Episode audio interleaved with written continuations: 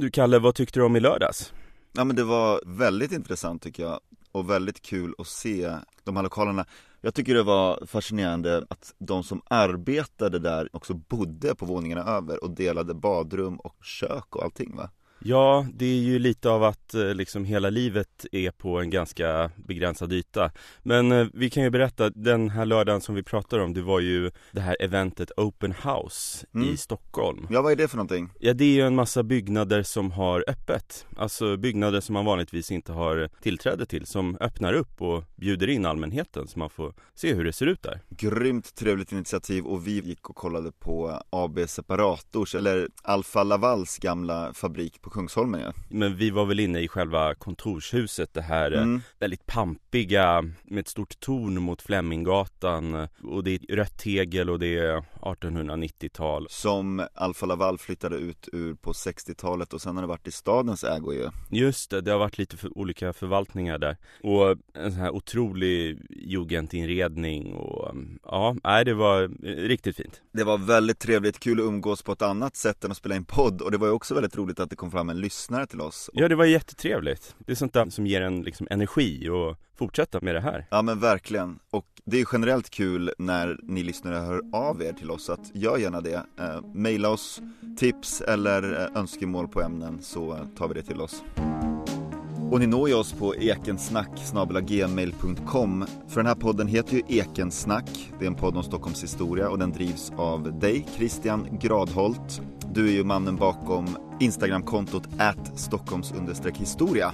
Och eh, den drivs även av dig, Kalle Kadhammar. Mm. Och du är ju känd för en stor del av Stockholms befolkning som eh, upphovsmannen till Instagramkontot i en förvandlad stad.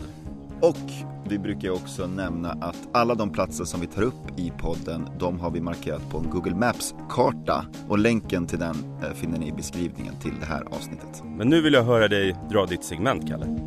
Ja men jag skulle idag vilja göra en liten uppföljning faktiskt på tidigare samtal vi haft. Men det tror jag är ett bra grepp. Och eh, för att kort rekapitulera då så skulle jag vilja backa bak till vårt allra första avsnitt faktiskt. Mm. Som vi spelade in där i mellandagarna för ja, snart ett år sedan. Minns du det? Just det. Det var när du tog upp eh, den allra första tunnelbanan. Exakt, och det är den som jag skulle vilja prata mer om, tunnelbanan. Mm. Men det är på tiden tycker jag. Det är verkligen det bokstavligen, för tunnelbanelinjer har en tendens att invigas på hösten kommer det visa sig också, så det passar ju perfekt att ta upp så här. Det är lite jubileum nu alltså. Det är det, här i början av oktober. Så jag skulle vilja ta med dig på en resa här nu Christian, som handlar om, ja egentligen de senaste hundra åren i Stockholms underjord. Den innehåller ganska många turer och vänder, så håll i dig för nu åker vi. Absolut. Se upp för dörrarna, dörrarna stängs.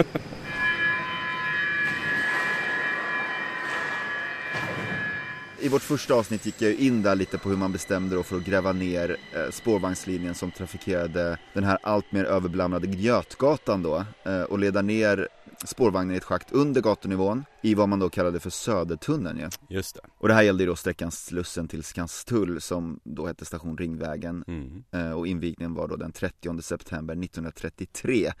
Och man kallade ju den här sträckningen för tunnelbanan redan då Ja. Och logotypen var ju redan då den ikoniska cirkeln med ett T i. Och den här tunnelbanan, den var ju något av en succé. Eh, Götgatan avlastades ju, vilket gav mer plats åt både fotgängare och bilister och som resenär vann man ju dessutom tid. Det gick nio minuter snabbare att åka mellan Slussen och Skanstull under jord än vad det hade tagit att ta spårvagnen där på markplan. Det är ändå ganska mycket alltså. Så ganska snart här efter att Södertunneln hade färdigställts då började man ju en utredning eh, av en förlängning av den här tunnelbanelinjen. Tunnelbanedelegationen och den utredningen den tillsattes ju av Stadskollegiet här i januari 1940 och det var ju stadsbyggnadsborgarrådet Yngve Larsson som var väldigt pådrivande i hela den här eh, visionen. Just det, och Yngve Larsson har vi tagit upp åtminstone en gång tidigare. Det var när vi pratade om Klara.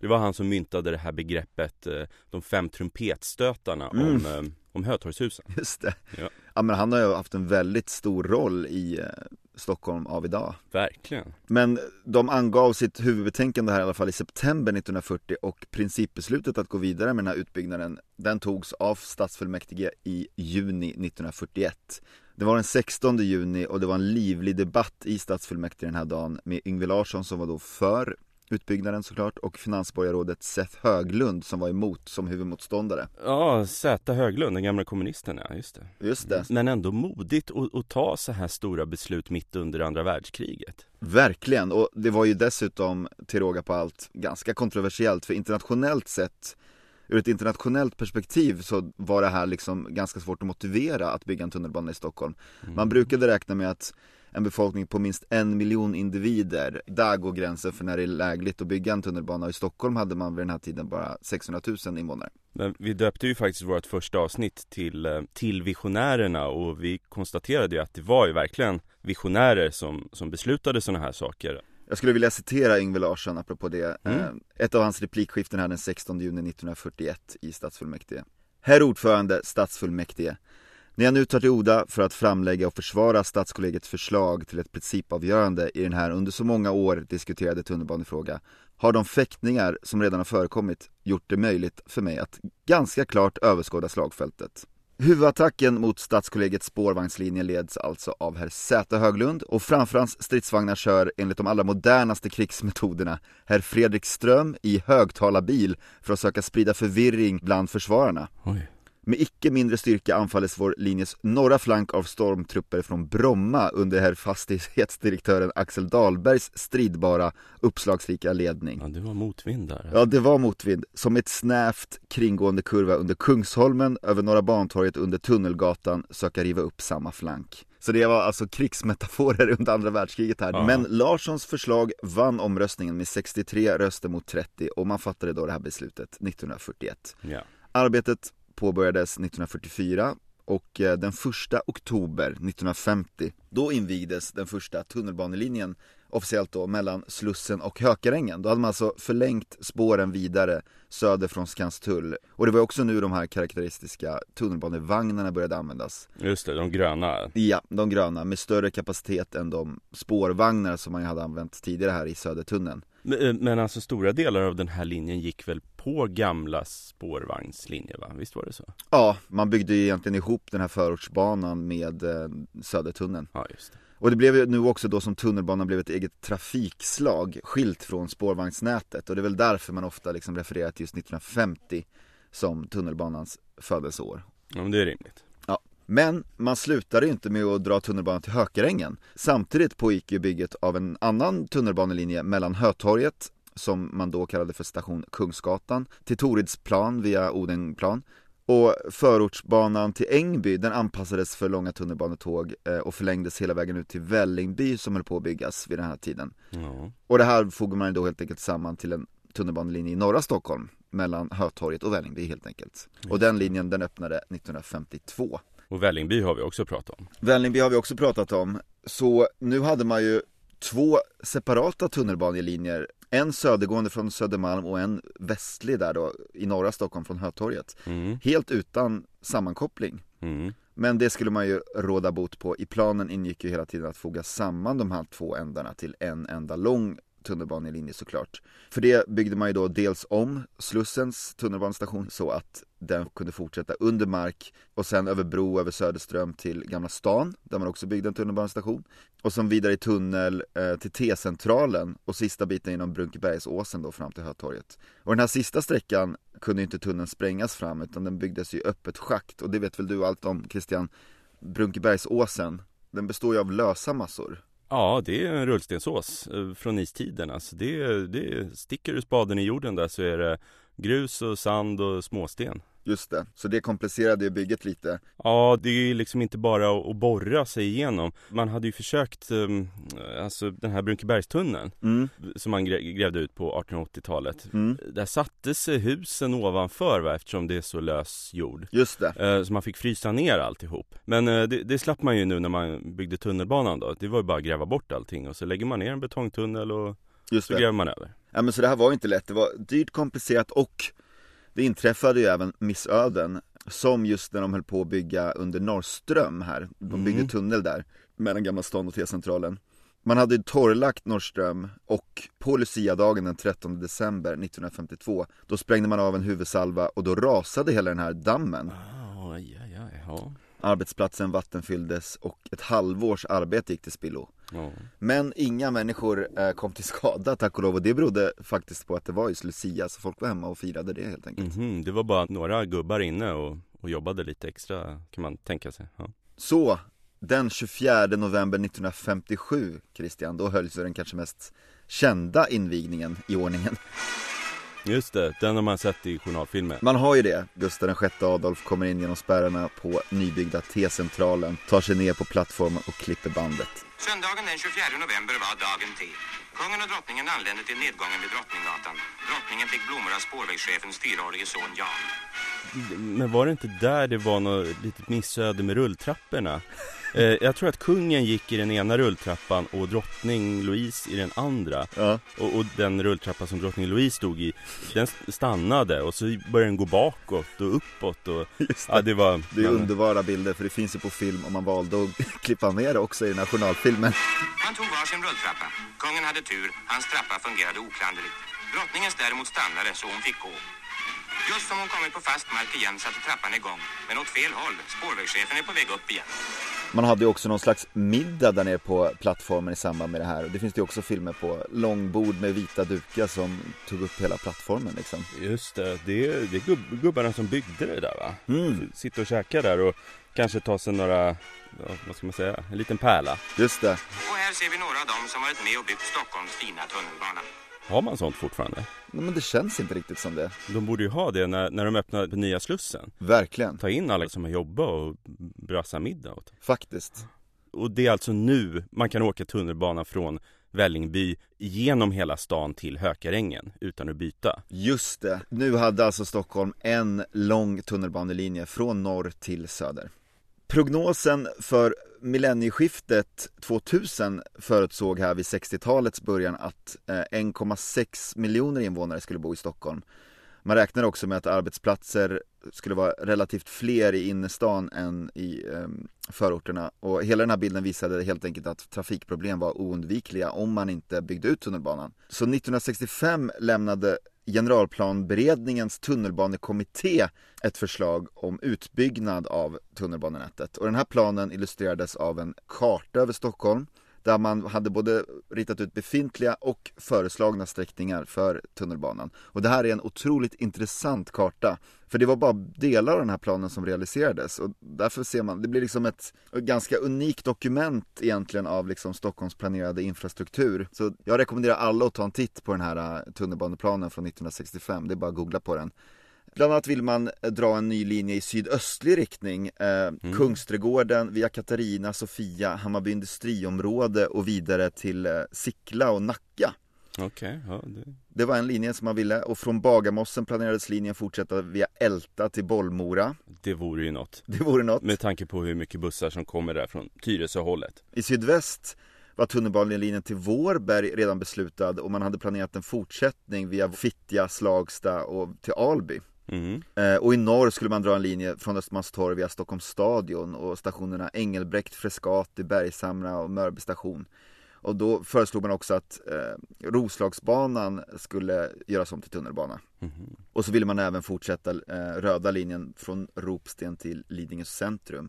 Inget av det här blev ju realiteter, men man blir lite pepp av det här, blir man inte det? Det är liksom roligt att ta del av Ja, men alltså när man kom, om, om man kommer till Ropsten så ser man att det är ju nästan som att det är förberett alltså Ja Har man inte tänkt det nu? De bygger väl en ny Lidingöbro, gör de inte? Ja men precis, det diskuteras ju fortfarande det här och det är ju som du säger, Ropsten ligger ju liksom på en viadukt och Det är ju bara att fortsätta där rakt över, det ja. ju vore väl något. Ja, och flera av de här idéerna tycker jag är alldeles lysande. Ja, absolut. Tyresö är väl en no-brainer, tycker jag. Verkligen. Det är synd att de här grejerna inte realiserades. Men delar av de här planerna från 65 realiserades. Och under 60 och 70-talet då byggdes ju den röda linjen ut till några av de här äh, stationerna. Och på 70-talet tillkom sen blå linjen. Eh, 31 augusti 1975 invigdes sträckan T-centralen Hjulsta. Mm.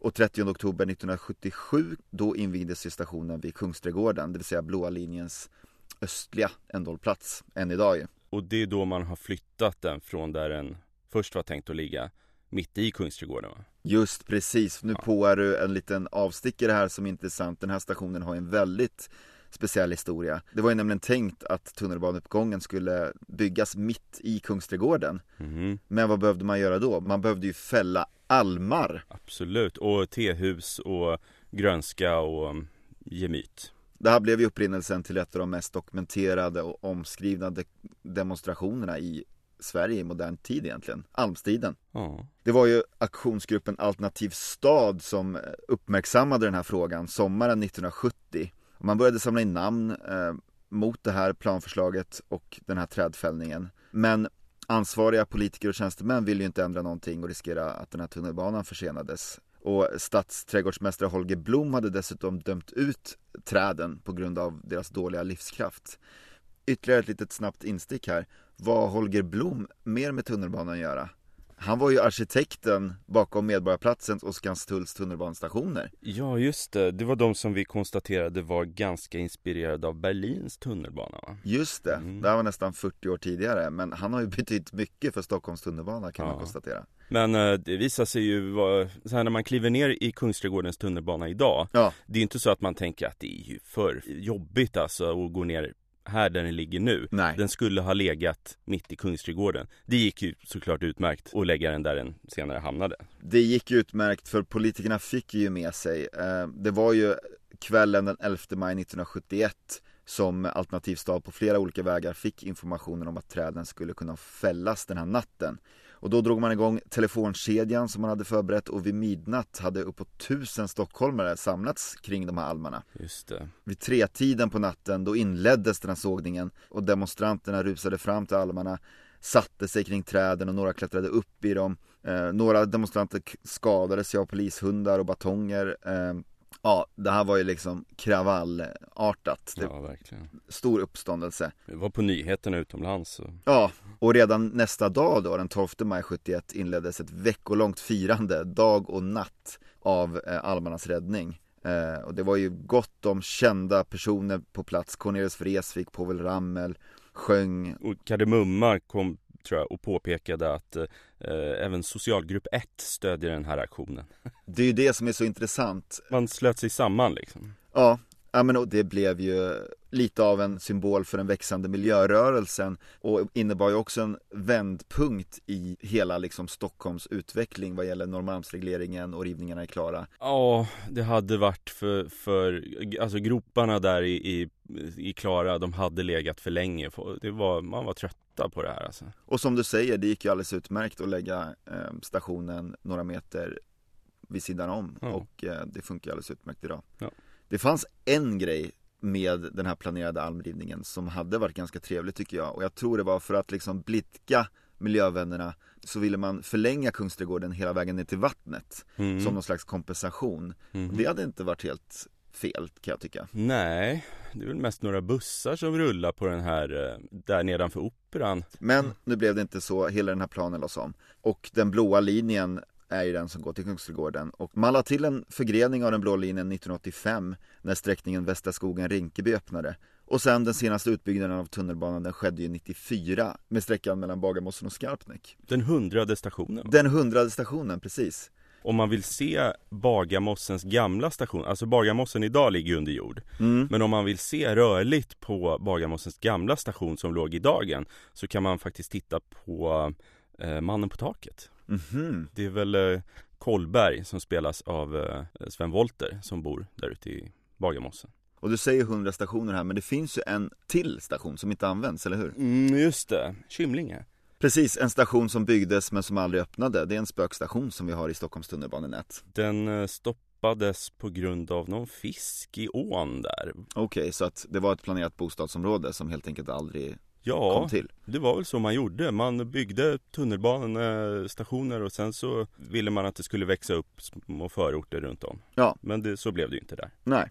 Idag består ju då som sagt Stockholms tunnelbana av totalt 100 aktiva stationer och trafikeras av över en miljon människor varje dag. Det är otroligt egentligen. Ja. Och det är ett av de största tunnelbanesystemen i förhållande till folkmängden eh, i världen. Just det. Ingen annan europeisk stad av motsvarande storlek hade vågat sig på den här typen av eh, ambitiöst tunnelbanenät. Mm. Men som sagt, det har ju stått still med tunnelbanebygget tills nu. Ja. För nu pågår ju flera spännande utbyggnader av vår kära tub. Ja. Och vet du, det kanske roligaste av allt är ju att en del av generalplanen från 65 faktiskt håller på att realiseras. Ja. Den blå linjen ska ju nu eh, förlängas från Kungsträdgården via Östra Södermalm och Sickla bort till Nacka. Ungefär så som man tänkte sig i mitten av 60-talet. Ja, och ta över Hagsätra-grenen va? Ja, precis. Och, och det är väl precis vad den här kartan visar va, från 60-talet? Ja, att det sker en förgrening där ja, vid Hammarby sjöstad. Ja. Ena går västerut, andra österut. Ja. Och det diskuteras ju också faktiskt planer på att förlänga den ytterligare sen till Gustavsberg, så det får vi se. ja, det vore något. Och det är inte heller allt, för det börjar röra på sig på andra håll också. Enligt Stockholmsförhandlingen 2013 beslutades att en avgrening av gröna linjen ska ske från Odenplan under namnet Gula linjen ju. Mhm. Och den utbyggnaden, den kommer öppna 2028 och går via Hagastaden som ju håller på att byggas nu, vidare via Hagalund för att sen avslutas vid stationen Arenastaden vid Solna station. Okej, Dessutom eh, en förlängning av den blå linjen från Akalla till Barkarbys pendeltågstation. just det. En tunnelbana mellan Fridhemsplan och Älvsjö ska påbörjas via Liljeholmen, Årstaberg, Årstafältet, Östberga och Älvsjö. Den är planerad trafikstart 2035. Ja, det är mycket som pågår alltså. Och man diskuterar också en utbyggnad från Fruängen till Segeltorp och Kungens Kurva. Och man har fortfarande inte släppt den här tanken på att förlänga röda linjen från Ropsten med en ny slutstation eh, vid Lidingö centrum. Oklart om det blir av dock, men eh, vi får väl se helt enkelt. Ja. Tack för att du hängde med på den här resan Christian. Men tack för det här helhetsgreppet. Och du, tänk på avståndet mellan vagn och plattform när du stiger av. Absolut. Snyggt.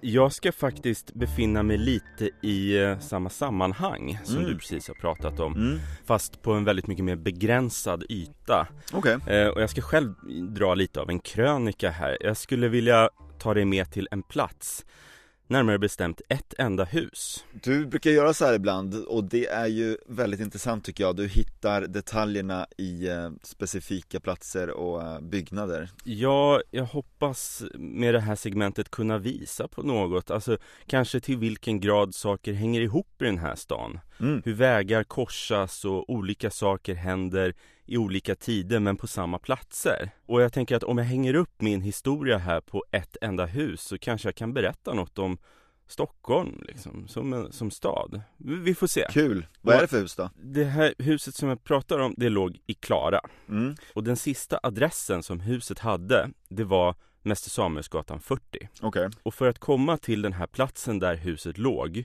då får du gå ut på Mäster Samuelsgatans viadukt över Sveavägen.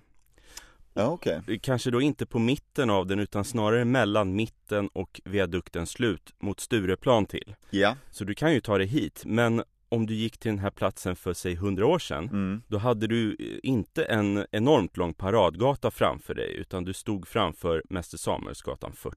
Mm. Och kvarteret hette Putten och fastighetsnumret var 12.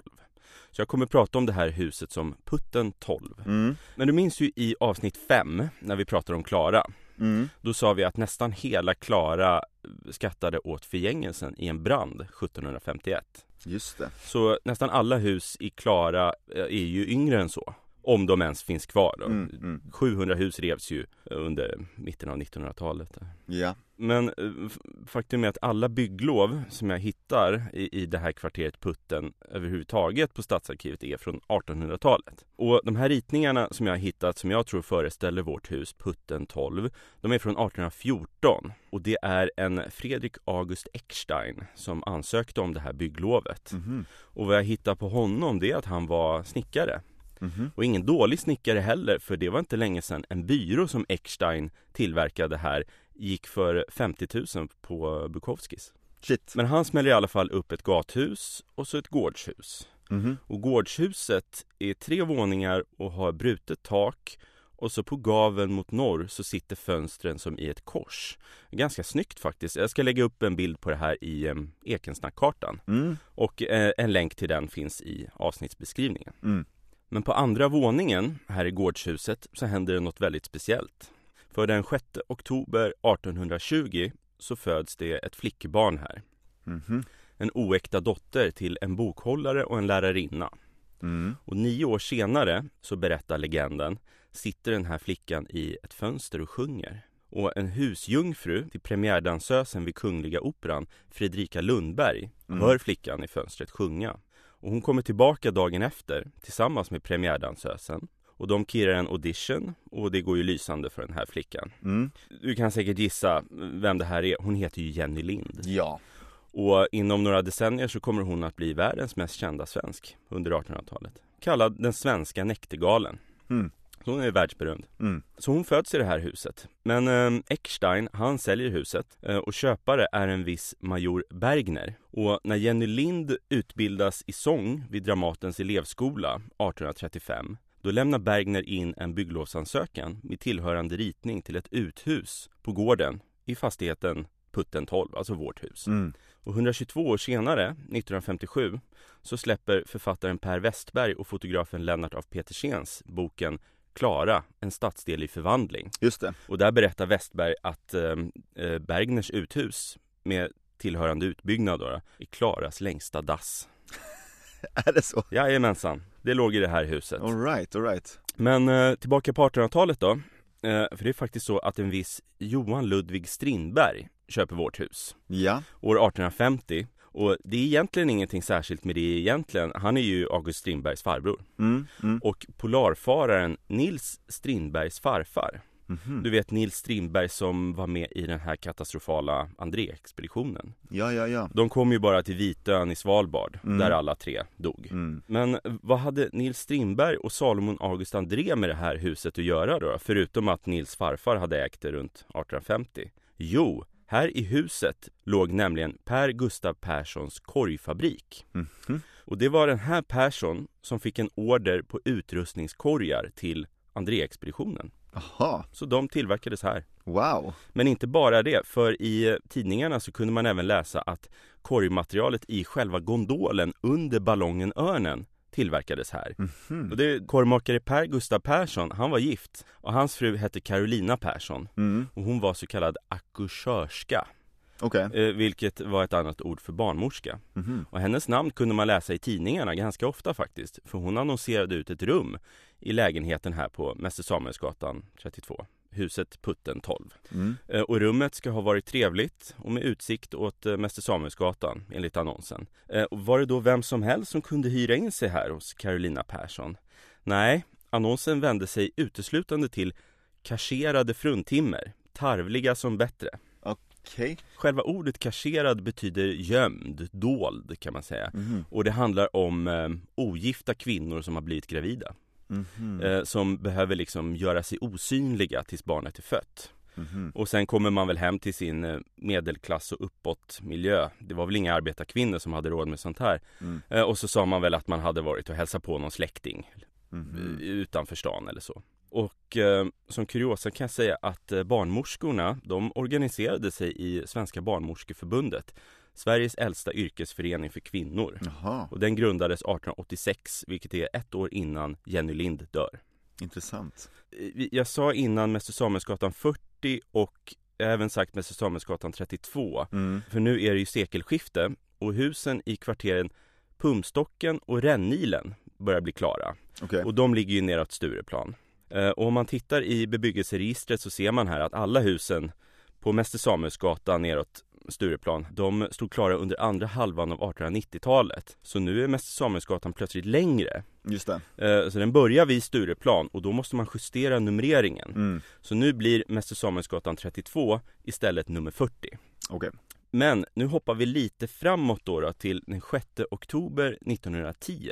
Mm. Och det här är på dagen 90 år efter att Jenny Lind föddes, här på andra våningen i gårdshuset. Okej. För då spikar samfundet Sankt Erik upp en minnestavla på väggen till gathuset. Mm. Här föddes Jenny Lind. Mm. Och bara några veckor efter den här händelsen så föder en kvinna som heter Sara ett gossebarn uppe på Rörstrandsgatan 32 Mhm. i kvarteret Volontären. Mm. Och Sara och hennes man, eller de var inte gifta förrän något senare, eh, de var judiska invandrare från ryska imperiet. Okej. Och pojken som föddes här, han hette i förnamn Hjalmar Leo och i efternamn Mer. Det är så? Och i mitten av 20-talet, då driver Hjalmar Mers mamma Sara en klädesbutik på Mäster Samuelsgatan 40. Bara några meter nedanför Jenny Lind minnestavlan Ja. som sattes upp några veckor innan Hjalmars födelse. Hmm.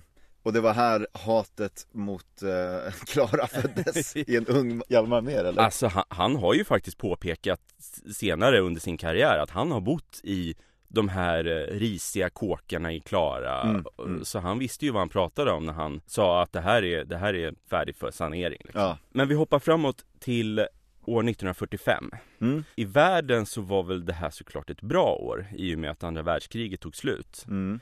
Men eh, för Stockholmsälskare så kanske det är ett mörkt år för då klubbas ju Norrmalmsregleringen Ja Men för att vara liksom tydlig här, allt som Norrmalmsregleringen innebar beslutades ju inte här och nu. Nej. Men hela det här maskinet drog igång. Va? Ja. Och vad var det första som rök? Jo, det var ju husen vid Oxtorgsgatan, Jakobsbergsgatan, Mäster Samuelsgatan, eh, här, alltså alldeles intill blivande Hötorgshusen. Mm, mm. Och ovanför den här tunnelbanan som du pratade om. Ja. Alltså den mellan eh, Hötorget och T-centralen. Mm, mm. Man började ju riva här av just den här anledningen. Tunnelbanan skulle fram. Just det. Men jag har faktiskt hittat en karta från eh, redan 1913 mm -hmm. där man ser en vidgad och förlängd Stora Bastugatan, alltså blivande Sveavägen, mm, mm. som med en streckad linje går rakt över vårat hus, Putten 12. Oj. Eh, och det här var liksom en åtgärd, den förlängda Sveavägen var liksom en åtgärd som fortsatte att vara aktuell ända fram tills den realiserades på 50-talet. Ja, ja, Den har alltid legat där som en liten dröm hos olika stadsplanerare. Precis, alltså Sveavägen måste fortsätta liksom. Ja. Och 1953 så beslutas i stadsfullmäktige om expropriering av Putten 12. Mm. Eh, så det innebär att staden med tvång löser in huset så att det kan rivas till förmån för ju Sveavägen och tunnelbanan ja. mellan Hötorget och T-centralen. Ja. Jag kan säga att den här exproprieringen klubbades utan omröstning faktiskt. Mm. Så kring sådana här saker så rådde det stor samsyn i stadsfullmäktige vid den här tiden. Mm. Så om man vill än en gång avrätta Hjalmar Mer för mm. rivningen av Jenny Lindhuset där hans mamma drev butik, då är man ändå lite fel ute. Mm, mm, mm. Men eh, med den här exproprieringen så rivs alltså huset där Eckstein tillverkade sin byrå som gick för 50 000 på Bukowskis nyligen och huset som var Jenny Linds födelsehus med Klaras längsta dass som ägdes av August Strindbergs farbror där korgarna till André-expeditionen tillverkades av en korgmakare vars fru tog in kasserade fruntimmer och där Hjalmar Mers mamma Sara drev klädesbutik. Och platsen där allt det här försiggick, det ligger nu högt upp i luften i höjd med Mäster Samuelsgatans bro över Sveavägen. Wow! Allt det här i ett enda hus alltså kul med de här äh, livsödena och små berättelserna. Det är så mycket som har hänt i vår stad alltså. Ja, alltså Stockholm är ju en ganska liten stad. Mm. Så då måste ju allting hända på en ganska liten yta liksom. Stort tack Christian! Dig kan man ju nå på ditt Instagramkonto, att Stockholms historia. Jajamensan, och dig kan man nå på ditt Instagramkonto i en förvandlad stad. Ja, och oss gemensamt kan man ju nå på vår mejladress ekensnack.gmail.com och vi tackar Christian Jäderberg för musiken.